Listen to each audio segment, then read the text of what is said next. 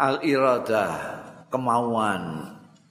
Maro itu ora ningali sapa ingsun akadan ing seorang pun jazama iradah sing ngantepake ya akad iradah tahu ing kemauane akad. Ala amrin ing atase siji perkara illa kana kejaba wujud ya amrin. Wala azam lan ora azam nyejo sapa akad saean sing ing suwi-wiji illa wasala ilaihi. Kejaba sampe ya ahad ilahi marang saean. Mana kata-kata manjada wajad ada kemauan pasti wujud Zalika kenapa demikian? Zalika anal iradah rohbatun fil amri. Ana sedurune iradah kemauan iku rohbatun keinginan fil amri ing dalam sijining perkara. Yat ba'uha sing ngetutake ha ing ruba apa sakyun ilaihi usaha ilahi marang amr. Jadi iradah itu bukan hanya keinginan saja, keinginan kepada sesuatu diikuti dengan usaha untuk mencapai sesuatu itu. Itu iradah. Wa badru juhdin litahqiqihi dan mengorbankan kemampuan kesungguhan litahqiqihi untuk mendapatkan amr. Wa tahiyatul asbabil mumkinah lan menyiapkan sebab-sebab al mumkinah di sing mungkin li ijadi kanggo maujudake al amr tuma ikdamun ala amalihi monggo keri-keri maju ala amalihi ngatasé ngerjake al amr wala sakalan ora kena ora apa anal amra sedune perkara iku kainun wujud mata istama alahu kapan kumpul lahu kedue amr apa kulo hadhi dawai sekabehane iki faktor-faktor faktor tekad keinginan keras usaha dengan kesungguhan. Waqat abbara sufiyatu. Teman-teman nak birake mengungkapkan apa asufiyatu orang-orang sufi. Andzalika saing mengkono mau bikaulihim tentang iradah tadi lho. Bikaulihim kelawan dawe sufia. Inna lillahi ibadan ila aradu arad. Kata mutiara orang-orang sufi. Innalillahi satuhune iku lillahi kagungane Gusti Allah. Ibadah nono kawula-kawula ida aradu tetkalane ngarepake ya ibad arada ngersakake sapa Allah. Ada hamba-hamba Allah itu Allah itu punya hamba-hamba yang apabila hamba-hamba itu menghendaki sesuatu maka Allah juga menghendaki sesuatu itu. Oh, ya. Faka anahum nek ndelok kata-katane faka anahum mongko kaya-kaya sedune sufia. Iku ja'al ndadekake ya sufia. Iradatallahi ing kersane Gusti Allah. Tabiatan ingkang mengikuti iradatil murid. Marang iradae murid. Wong sing murid iku salik yang menghendaki sampai kepada Allah. Min ibadi saking kawula kawulane Allah. Jadi seolah-olah dengan kata-kata innalillahi ibadan idza aradu arad, seolah-olah mereka mengatakan bahwa kehendak Allah itu tergantung pada kehendakannya murid. Wahum pada wahum tawi sufiyah iku lam ya'na bidzalika. Orang menghendaki ya sufiyah tidak bermaksud ya sufiyah bidzalika kalau mengkono-mengkono dawe innalillahi ibadan idza aradu arad mau illa masarahnahu kejaba barang kang wis nerangno sapa ingsun wing? Emah iku mau karena dia tidak hanya ingin tapi juga tumandang untuk melaksanakan keinginannya itu dengan segala tekad. Fa innal musabbabat marhunatun. Mongko perkara-perkara sing disebabi hasil dari sebab iku marhunatun tergantung di asbabia maring sebab-sebab sebabnya kuat hasilnya kuat. Waqad ja'alallahu husulal muradat lan teman-teman sudah diake sapa Allah Gusti Allah husulal muradati ing hasilnya perkara-perkara yang diinginkan. Didadekake Allah mutawakifan kandhet ala jazmil iradati ngatasé kuwate mantepe kemauan.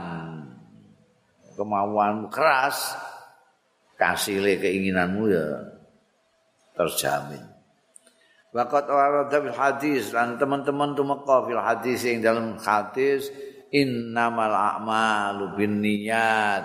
Angin gustine pira-pira amal iku binniyati kan niat niat wala raiba lan ora ana keraguan iku maujud.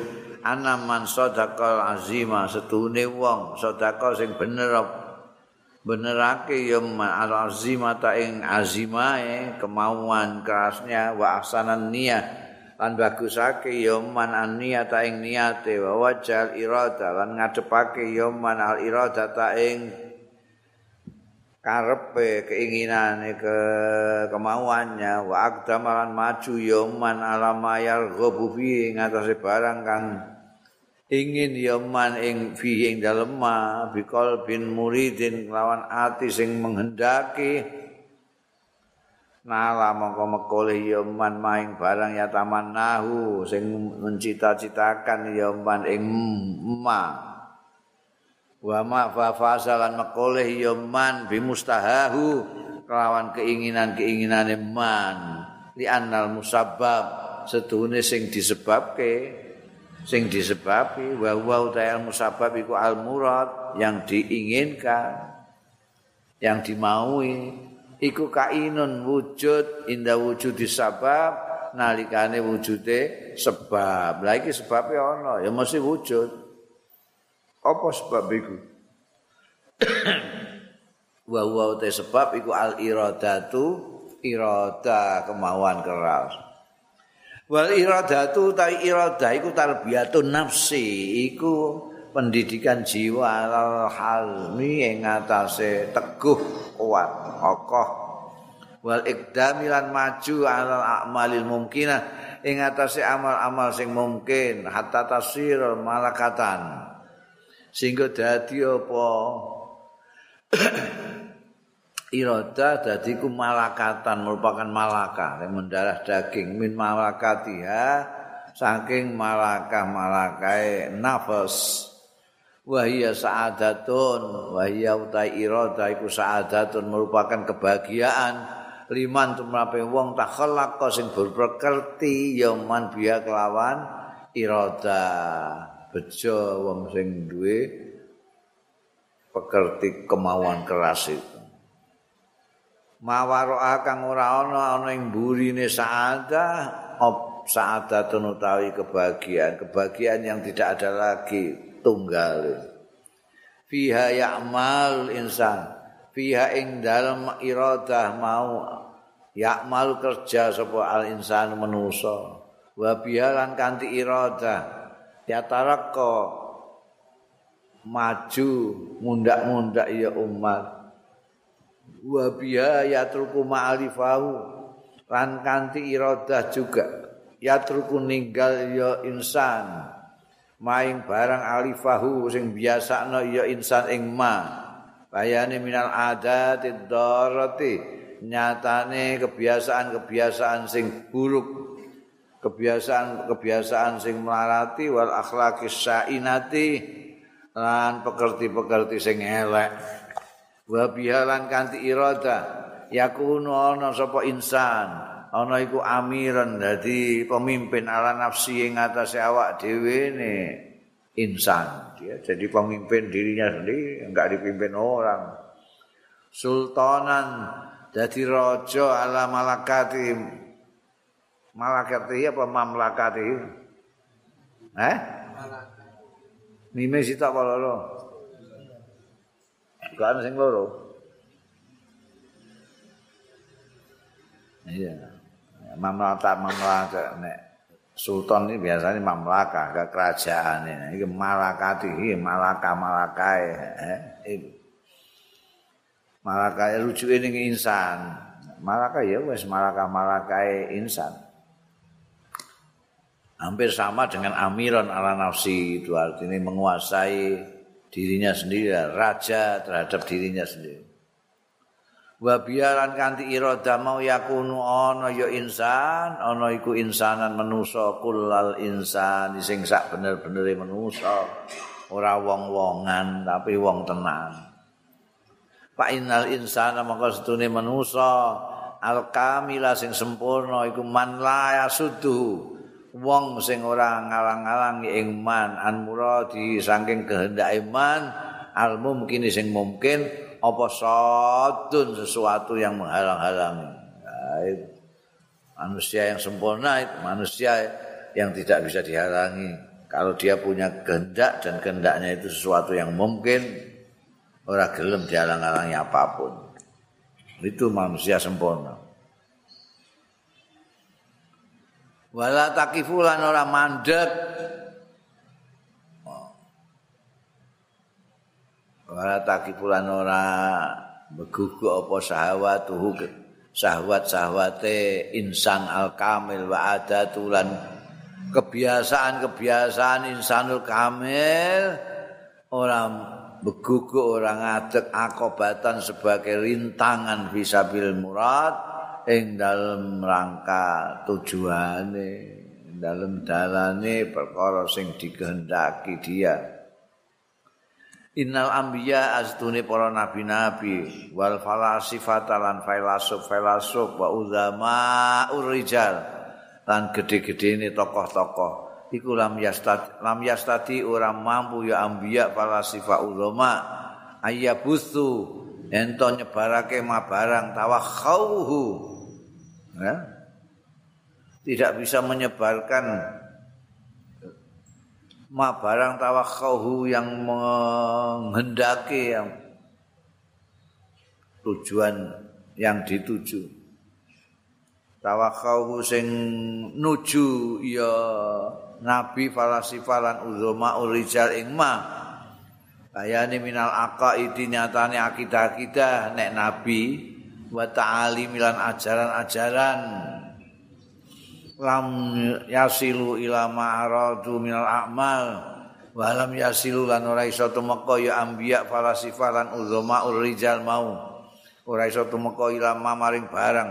Aradu kang ngersakake ya anbiya falasifah lan uzama hu ing ma minal a'mali saing pira-pira amal.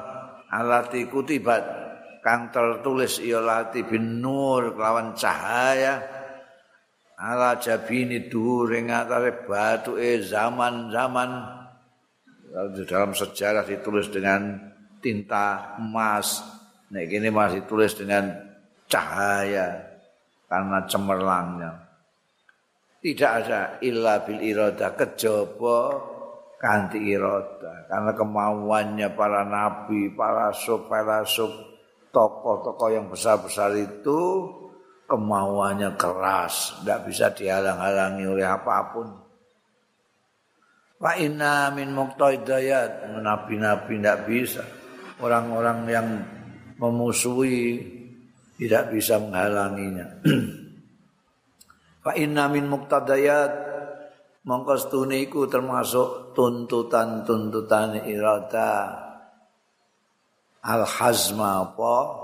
Tenanan kukuh wasabatalan kukuh tetap alal amali ing atase ngamal hatta yakuna sehingga wujud. Tuntutane sikap mental irodah itu dia akan terus sebelum sampai dengan berhasil. Walau asabahum bihadar sabil, lamun ngenei ing mereka ambia falasifa uzama fi hadza sabili dalam dalan untuk mencapai tujuan mereka. Ngenai minal masaib nyatane pira-pira cobaan apa ma barang sing ngenai ma barang ya dukul jibal sing iso menghancurkan ya ma'al jibala gunung-gunung.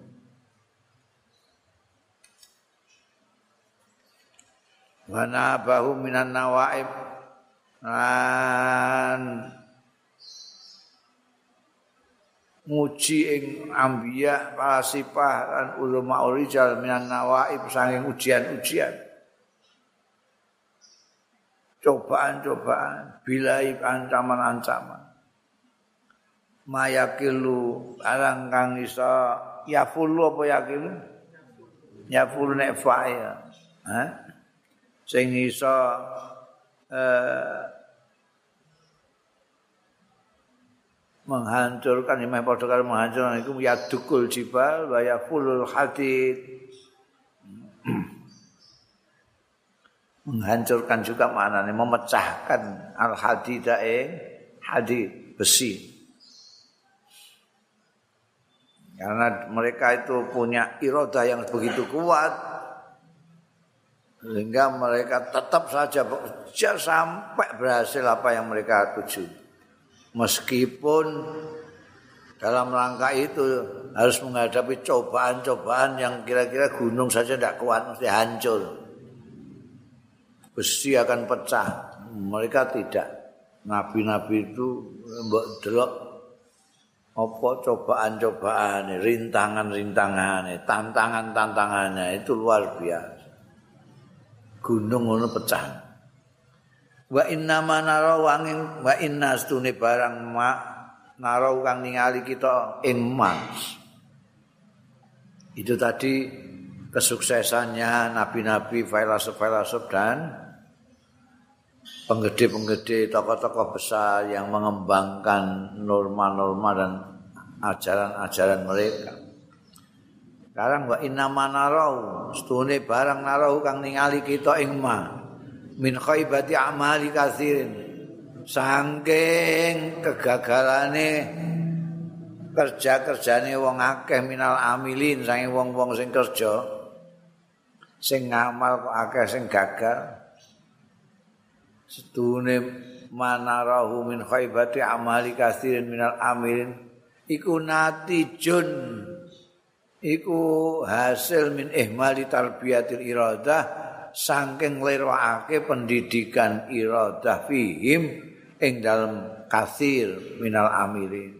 Mereka tidak dididik untuk menjadi orang-orang yang punya kemauan keras. Maka kita lihat banyak di antara mereka yang gagal dalam upayanya. Fahum layas tatiun, fahum mengkotai kasir, niku layas tatiun orang mampu ya kasirun. asabata ing tetep kokoh. Alama ing atase barang yakumuna sing jumenengi iya kasir bi kelawan ma. Nek anu sithik mundur bali waluna dubur balik-balik membalikkan iya kasir al adbara ing buri-burine do balik kanan inda awali sadamatin ing dalam kawitane benturan. Begitu dapat benturan pertama sudah langsung balik kanan walunal abbar itu balik kanan belayu kan awali sadamatin nalikane pertama kali benturan tasdimu sing membentur ya awal sadma ing kasir wa inna masabru inda sadmatil ula. Angin pestine sing jenenge sabar tenanan iku ya inda sadmatil ula iku. Nalikane e, benturan yang pertama kalau benturan yang pertama kamu bisa kuat nah insya Allah kedepannya tidak apa-apa. Tapi kalau baru benturan pertama sudah balik kanan ya wes gak kasil. Kayak wong mondok ngono. Ya kudu saulan nang wulan lara kabeh. Biasane mangan enak dikeloni mboke. Eh enggak enak tapi nek iku kuat sebulan dua bulan kuat wah yang lainnya dihadapi ringan kabeh. Nek ora ya balik kanan. Gak sido. Eh balik ning kelonane mbok ini Al iradatu tujibu sabr. Kemauan itu tujibu majibake ya irada as-sabra ing sabar. Wa iba'at taraddudi fil umur. Ndak mau, eh? ragu-ragu fil umuri yang dalam pira-pira perkara wahti kara suubati lan ngemprehake kesulitan-kesulitan ah ngene ae kok kesulitan apa? Ihtikar suubat alati tak tawi ruhul masruatil mufida. Sing ngeneki iya lati suubat al masruati. Ing program-program atau proyek-proyek al mufidati sing tak tawil masru'atil mufidata sing bermanfaat Wadhalika utai mengkono mau iku yujibun najah. Sing marakno ya dhalik an najah ing sukses fil a'mali ing dalam pira-pira amal batatan sama sekali. Sama sekali batatan. Pasti pasti.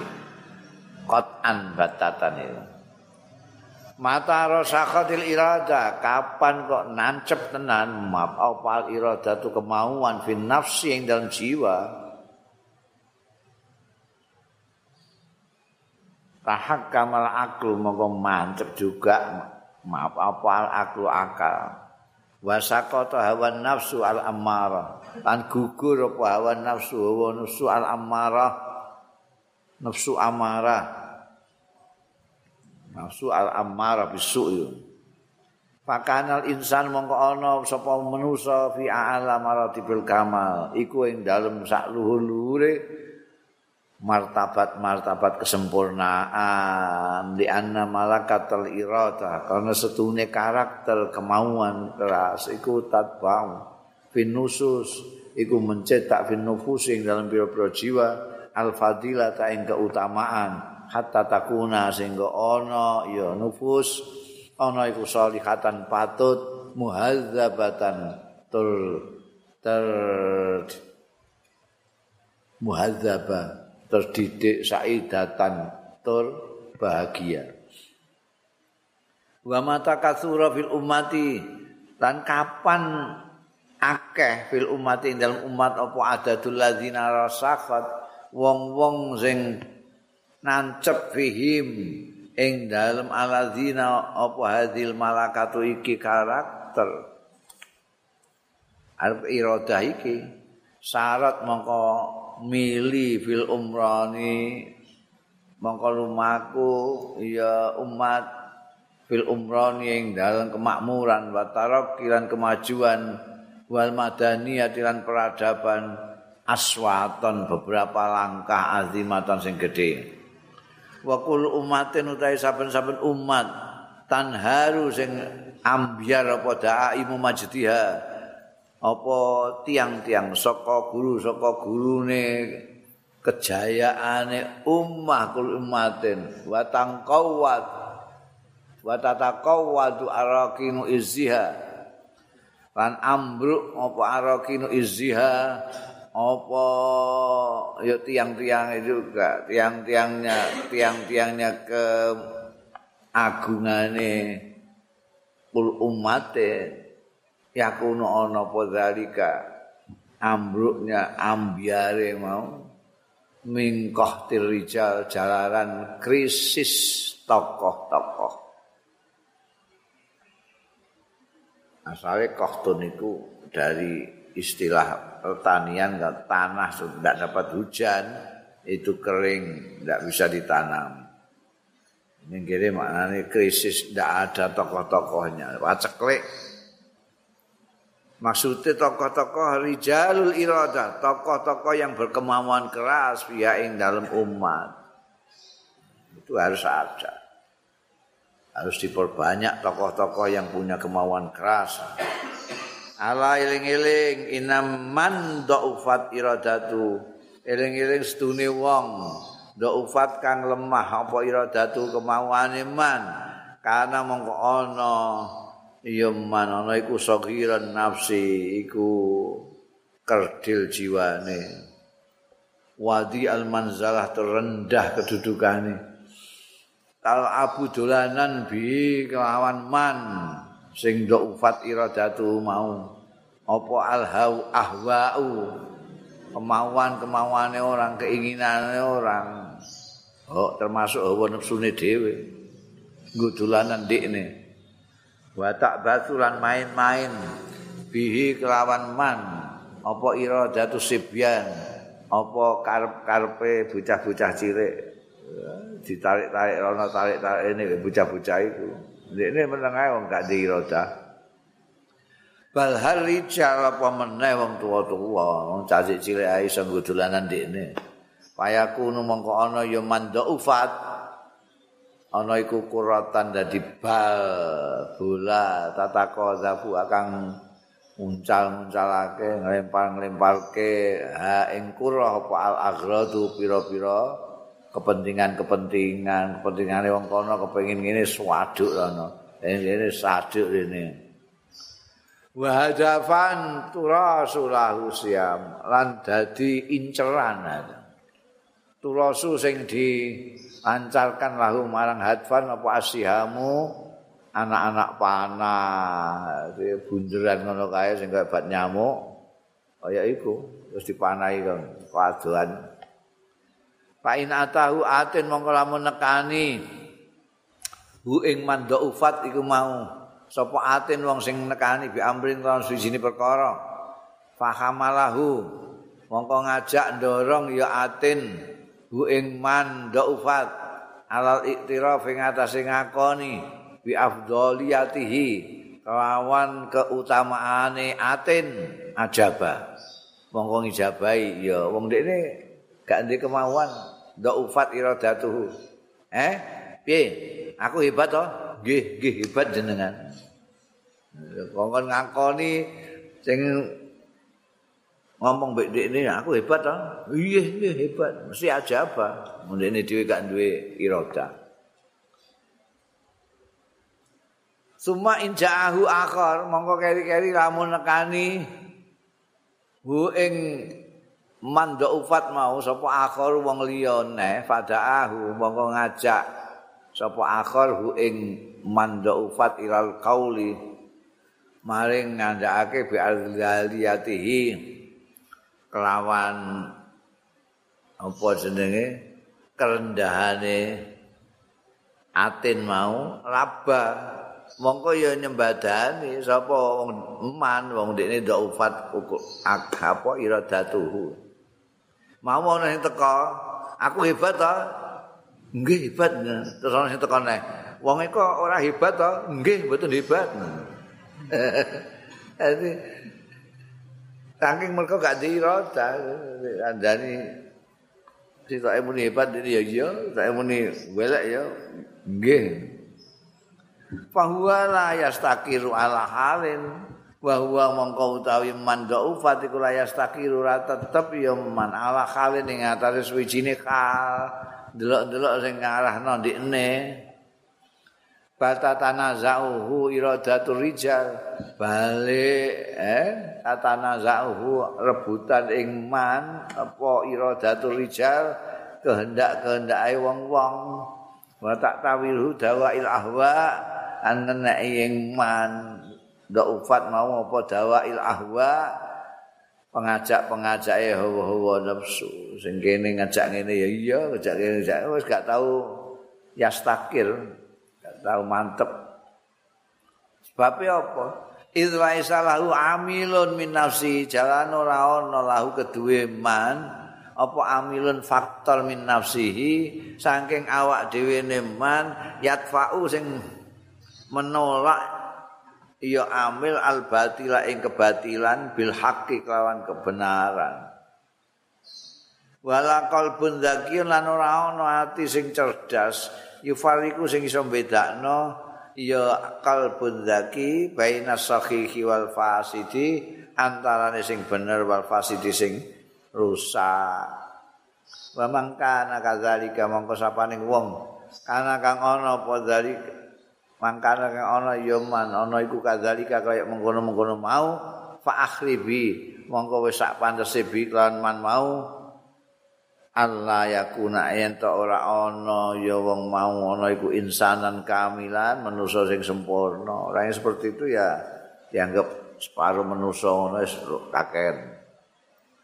Pa'alal ummati mongko iku ajib ing atase umat bangsa Allah titawaddu sing menghendaki sing ingin ya lati hayatan thayyibatan ing kehidupan sing bagus wa aisyatan radiyatan lan urip sing memuaskan wajib anturabbiya malakatal irada. Wajib yen to didik ya rati umat malakatal iradati ing karakter kemauan iku. Fi nufusi atfaliha ing dalam jiwa-jiwane bocah-bocahe umat. Fa innal irada tamakastune irada kemauan keras iku sabil saadati dalan kebahagiaan. Ya maksaran nasiin. Eh pemuda-pemuda generasi yang baru tumbuh antum taisira kabeh iku imadul ummah. Kowe kabeh iki anu lho tiang saka gurune umat. Antum diamatu majdiha. Antum ta sira kabeh iku diamatu majdiha itu sandarane kejayaane umatmu. Antum ta sira kabeh iku rijaluha tokoh-tokohe umat fil ati ing dalam masa depan. Fata'awadu mongko biasa ana sira kabeh antakunu. Enta ana sira kabeh ana iku muridin orang-orang yang mempunyai kemauan. Wala ta'bithu bima yaqulu bainakum. Wala tak apa itu? Wala tak biu ya? Eh? Wala tak biu? Ana aja mendulikan sira kabeh. Bima yakulu kan barang yakulu sing ngalang-alangi. Ya ma bainaku antarané sira kabeh wa baina maturiduna lan antarané barang sing ngarepake sira kabeh. Abaikan itu yang ngalang-alangi kamu. Maju terus fahrukul iradati mongko utahe pekerti iradah iku rasul akhlaqi puncake akhlak. Wa huwa ainuha al mubsira wa huwa utawi khuluqul irada iku ainuha. Itu mripate akhlak al mubsira sing melihat wa qalbuha lan atine akhlak al mufakkir sing berpikir. Jaridu al iradata eh unus jaridu al irada kaya unus pedang jaridu al iradata yang kemauan. Yasul mongko gampang apa al muradu apa yang dikehendaki? Fa innalillahi mamastune iku kedue Gusti Allah. Ibadan. Ana kawula-kawula ida aradu tatkalane ngarepake ya ibad arada mengko ngersakake sapa? Allah